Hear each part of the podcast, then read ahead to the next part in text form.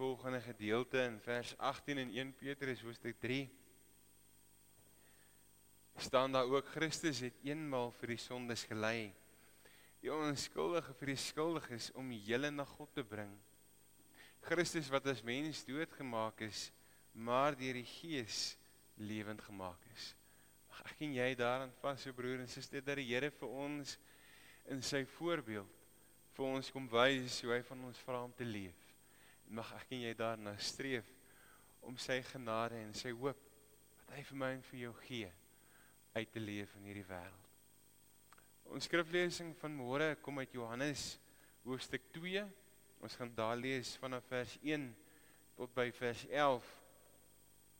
Voordat ons lees, kom ons raak vir 'n oomblik stil.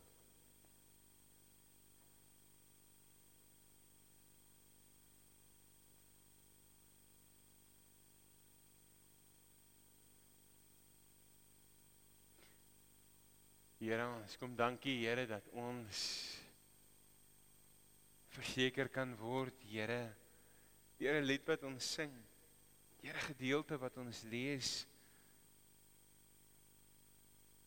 Here dat U teenwoordig is. Dat ons kan weet, Here, U is die Here. Dat ons kan weet, Here, U maak die storm stil. En so kom vra ons hier ook Here om ons gedagtes in hierdie oomblik wat ons hier is, Here op U te rig. Here gee dat ons sal luister sal hoor wat U vir ons sê. Dat ons dit ook sal gaan leef. Ek kom vra dit Here in U naam. Amen.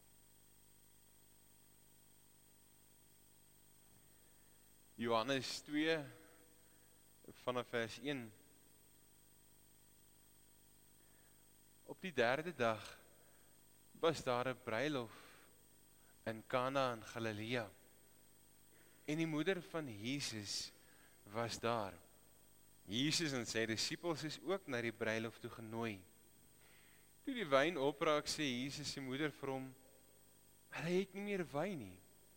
Maar hy sê vir haar: Waarom sê jy dit vir my? My tyd het nog nie gekom nie. Sy moeder sê toe vir die kelners wat hy ook al vir julle sê, moet julle doen. Daar het ses klipkanne gestaan vir water wat die Jode by hulle reiniging gebruik het. Elkeen het tussen 90 en 100 liter gehou. Jesus sê toe vir die kelners: "Maak die kanne vol water." Hulle het dit tot bo toe vol gemaak. Toe sê hy vir hulle: "Skep nou daarvan uit en gaan gee dit vir die seremoniemeester." Hulle het dit gedoen. Die seremoniemeester het nie geweet wat waar dit vandaan kom nie, maar die kelners wat die water uitgeskep het, het geweet. Toe die seremoniemeester die water proe wat wyn geword het, roep hy die bruidegom en sê vir hom: "’n Mens sit gewoonlik eers die goeie wyn voor. En as die mense goed gedrink het, die wyn van swakker gehalte. Maar jy het die goeie wyn tot nou toe teruggehou. Hierdie eerste wonderteken het Jesus in Kana in Galilea gedoen. Hy het daardeur sy mag laat blyk en sy disippels het tot geloof in hom gekom. Hierna het hy sy moeder se broer sy disippels na Kapernaum toe gegaan, maar hulle het nie lank daar gebly nie. Tot sover ons skriflesing. Baie bekende gedeelte wat ons saam lees in die konteks van hierdie wonderverhaal wat ons lees. Is 'n bruilof wat afspeel. As ons so 'n bietjie dink in die Nuwe Testamentiese tye hoe 'n hoe 'n bruilof gewerk het. 'n Bruilof het 'n hele week min of meer gewoonlik aangehou paartjie is getroud en hulle is het groot partytjie gehou vir die hele week lank saam as bruilof mense as as as gaste en op 'n manier is die hele gemeenskap genooi, is die hele gemeenskap betrek by hierdie bruilof wat afgespeel het. En so sien ons Jesus en sy disippels wat genooi is en spesifiek ook Jesus se moeder wat 'n 'n redelike groot rol in hierdie verhaal speel. En as ons nou dink waar dit plaasvind, dit vind plaas in Kana in Galilea wat ook naby Nasaret was. En heel moontlik sou die bruidegom of die bruid dalk op 'n manier familie kon wees van Jesus. En as ons nou dink oor die rede vir hierdie wonderwerk, is dit 'n gebrek aan wyn. Daar was nie genoeg wyn vir hierdie 7 dae fees nie. Daar was nie genoeg wyn om end uit te gaan nie. En as ons nou vir mekaar sê wie se verantwoordelikheid was dit soos in vandag se tye is dit nou mos die man se pa betaal vir die blomme. Die, die, die ek ek kan nou nie heeltemal onthou werk dit nie. Maar in 'n geval is dit lank terug. Die bruidegom se pa betaal vir die troue en die bruid se pa betaal vir die blomme of so iets. Is dit mos nie? Maar in 'n geval in daai tyd het dit so gemaak gewerk dat die verantwoordelikheid vir die wyn spesifiek op die bruidegom en op sy familie neergekom het. Dat hulle sou sorg dat die goeie wyn eerste bedien sou word. En soos wat die by die hoofpriester sê, as almal nou goed gedrink het, dan sou die wyn van swakker gehalte dan bedien word. 'n Tekort aan wyn sou vir hierdie familie 'n groot verleentheid gewees het. Sou hulle op 'n manier 'n oneer in die gemeenskap gebring het. En as ons dink aan 'n bruilof, is dit juis hierdie vrolike, vreugdevolle geleentheid, iets nuuts wat begin. En as ons hierdie geleentheid sien, sien ons juis hoe die Here hierdie geleentheid gebruik om iets tuis te bring van sy grootheid. Om iets tuis te bring van wie en wat hy as Jesus Christus die Messias is. Die wonder van God. En die wonder van die reëls wat gebreek word herinner my en jou juis aan die wonderbaarlikheid om 'n sin vir verwondering oor wie God is. Raak te sien en te begryp.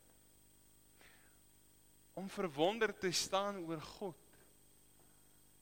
wat water in wyn verander En nou is die vraag, maar wat beteken hierdie wonderwerk vir my en vir jou vandag?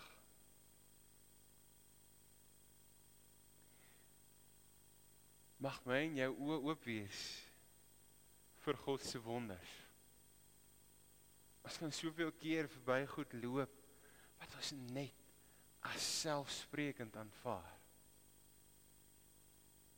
God wat vir my en vir jou kom verras elke oomblik, elke dag oor sy goedheid, oor sy genade en sy liefde vir my en vir jou.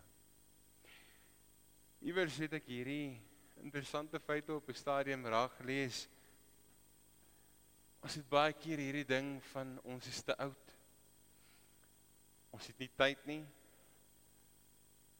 En hierdie spreekwoord spreek dit so 'n bietjie aan. Ouderdom maak net saak as jy kaas is. En daarom word ek en jy uit opgeroep om 'n lewe te leef van oorvloed. En wonders gebeur elke oomblik. Elke dag. Ek en jy moet net ons oë daarvoor oopmaak.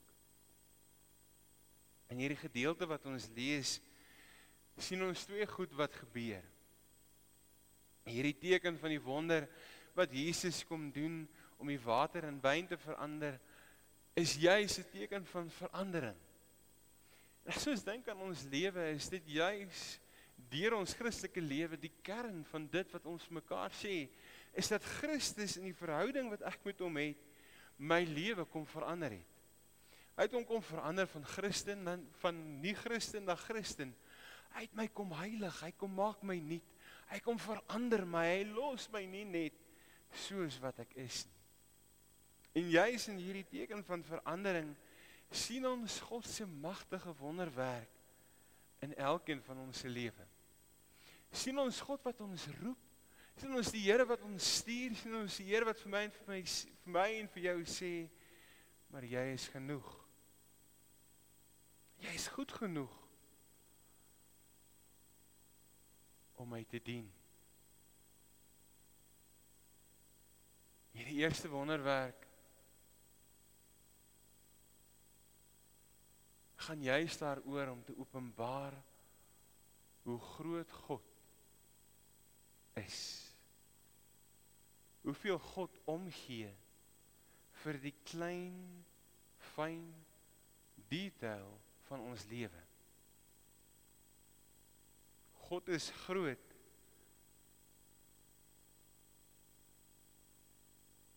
Jy's so groot dat selfs die klein dinge vir hom belangrik is. Dit is asof Johannes vir hierdie gemeente vir hierdie gemeente wil kom sê vir hierdie persone vir wie hy skryf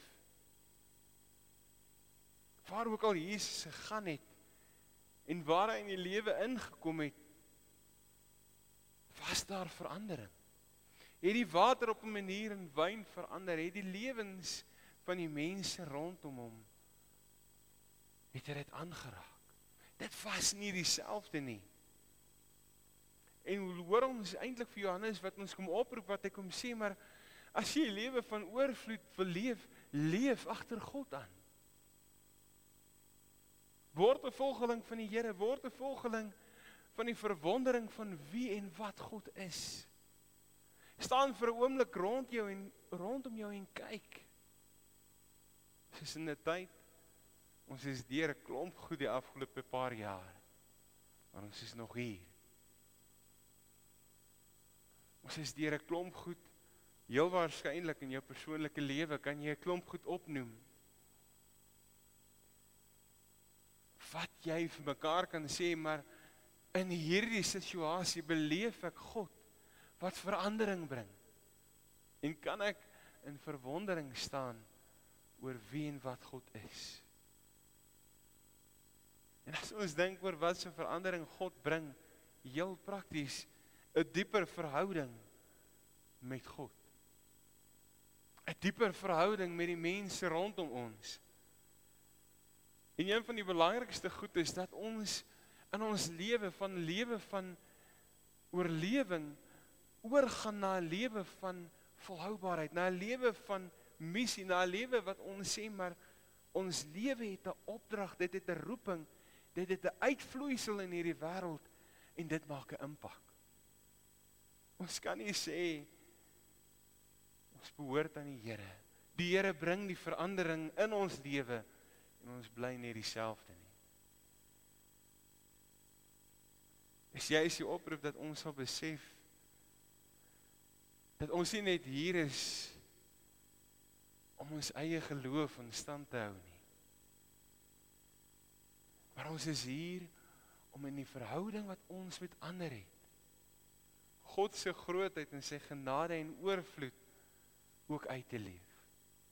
Die tweede punt wat gebeur is dat Jesus in hierdie verhaal en hierdie wonderwerk 600 liter wyn maak. Ek weet nie van jou en van my nie, maar dit is nogal redelik baie. Dis 'n klomp wyn wat juis die oorvloed beklemtoon. En as ons aan Christus dink in ons eie lewe, sien ons juis die oorvloed wat die Here vir my en vir jou kom gee. Sien ons juis dat die Here vir my en vir jou genoeg kom gee om van te leef, genoeg om te verstaan wie hy is, hoe hy ons lewe beïnvloed en wat hy van ons vra in hierdie wêreld. En daarom kom die vraag, kan 'n mens werklik begryp wanneer 'n mens die Here Jesus Christus met hom te maak het? Dat ek en jy met 'n Skepper te maak het. Dat ek en jy met God drie enig te doen het. En dat hierdie Here my in jou lewe in sy oorvloed alles omgee. As ons dink aan hierdie week, dit reën nog die hele week. Ons kan baie keer vir mekaar sê dis nou so bietjie, dis nou so bietjie haldroep, dis nou so bietjie genoeg. Op 'n stadium was daar te min. As gedeeltes wat nie het nie. Oorvloed beteken ek en jy besef iets van God se omgee vir my en vir jou. Iets van God wat vir my en vir jou kom sê maar hy saam met my in jou pad. Iets van God wat vir my en vir jou kom sê maar hy's nie 'n oomblik buite bereik nie. En omdat ons behoeftes vir God belangrik is, omdat ons mens soos vir die hele belangrik is, beleef ons sy oorvloed. Maar moet ons vir mekaar sê iewerste moet ons ook vir mekaar die oorvloed van die Here gun. Moet ons vir mekaar sê iewerste is die persoon langs my se belange net so belangrik soos my eie. Soos die seremoniemeester wat vir die bruidegom nader kom vir hom sê maar waar kom hierdie wyn vandaan? Hoekom gee dit nou eers? Is die mense om my se belange net so belangrik soos my eie? En daarom kom die vraag dan nou vandag vir my en vir jou. As ons dit sê en as ons dit glo dat God met my en met jou op pad is, dat God vir ons oorvloed gee en dat hy vir ons genoeg gee. En as ons dit verstaan en ervaar, wat doen ons met dit? Wat maak ek en jy met die oorvloed wat God vir ons gee? As ons dink aan dit wat on, wat ander nodig het, dit wat God van my en van jou vra, dit wat God in hierdie gemeente vir my en vir jou sê om te doen. Wat ek en jy vir onsself afvra, kom ons daarby uit. Om die oorvloed die verandering wat God in ons lewe bring uit te leef. Die seremoniemeester kan nie verstaan wat gebeur nie. Jesus is tussen ons, nie om water in wyn te verander nie, maar om sy grootheid, sy glorie en sy heerlikheid aan ons te kom openbaar, sy genade vir ons te gee. Mag ek en jy, broer en suster, in verwondering staan oor wie God is, oor sy sorg as ons na die wêreld, na die natuur kyk na iets soos 'n drywekorrel, drywepriel.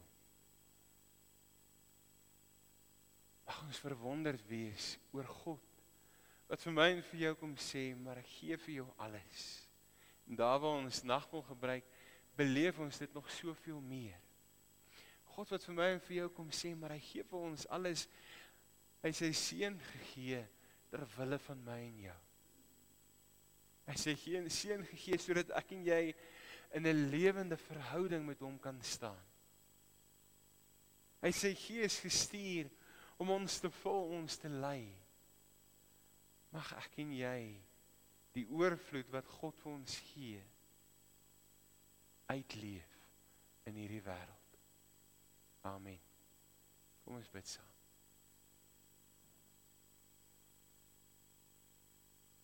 Here ons kom dankie.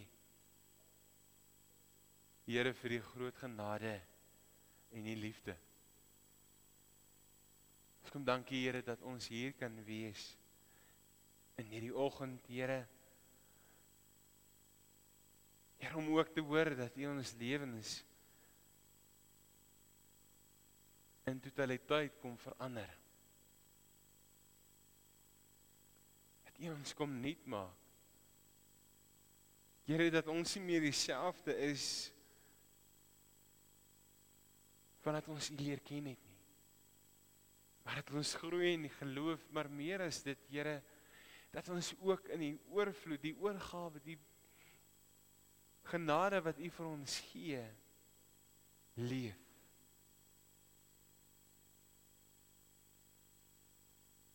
Mag ons Here daarin vashou. En tye soos wat Petrus vir ons sê wat ons mag ly, wat ons mag swaar kry. Mag ons dit uitleef want U is ons bron van hoop. Ons kom bid dit en ons kom vra dit Here in U naam. Amen.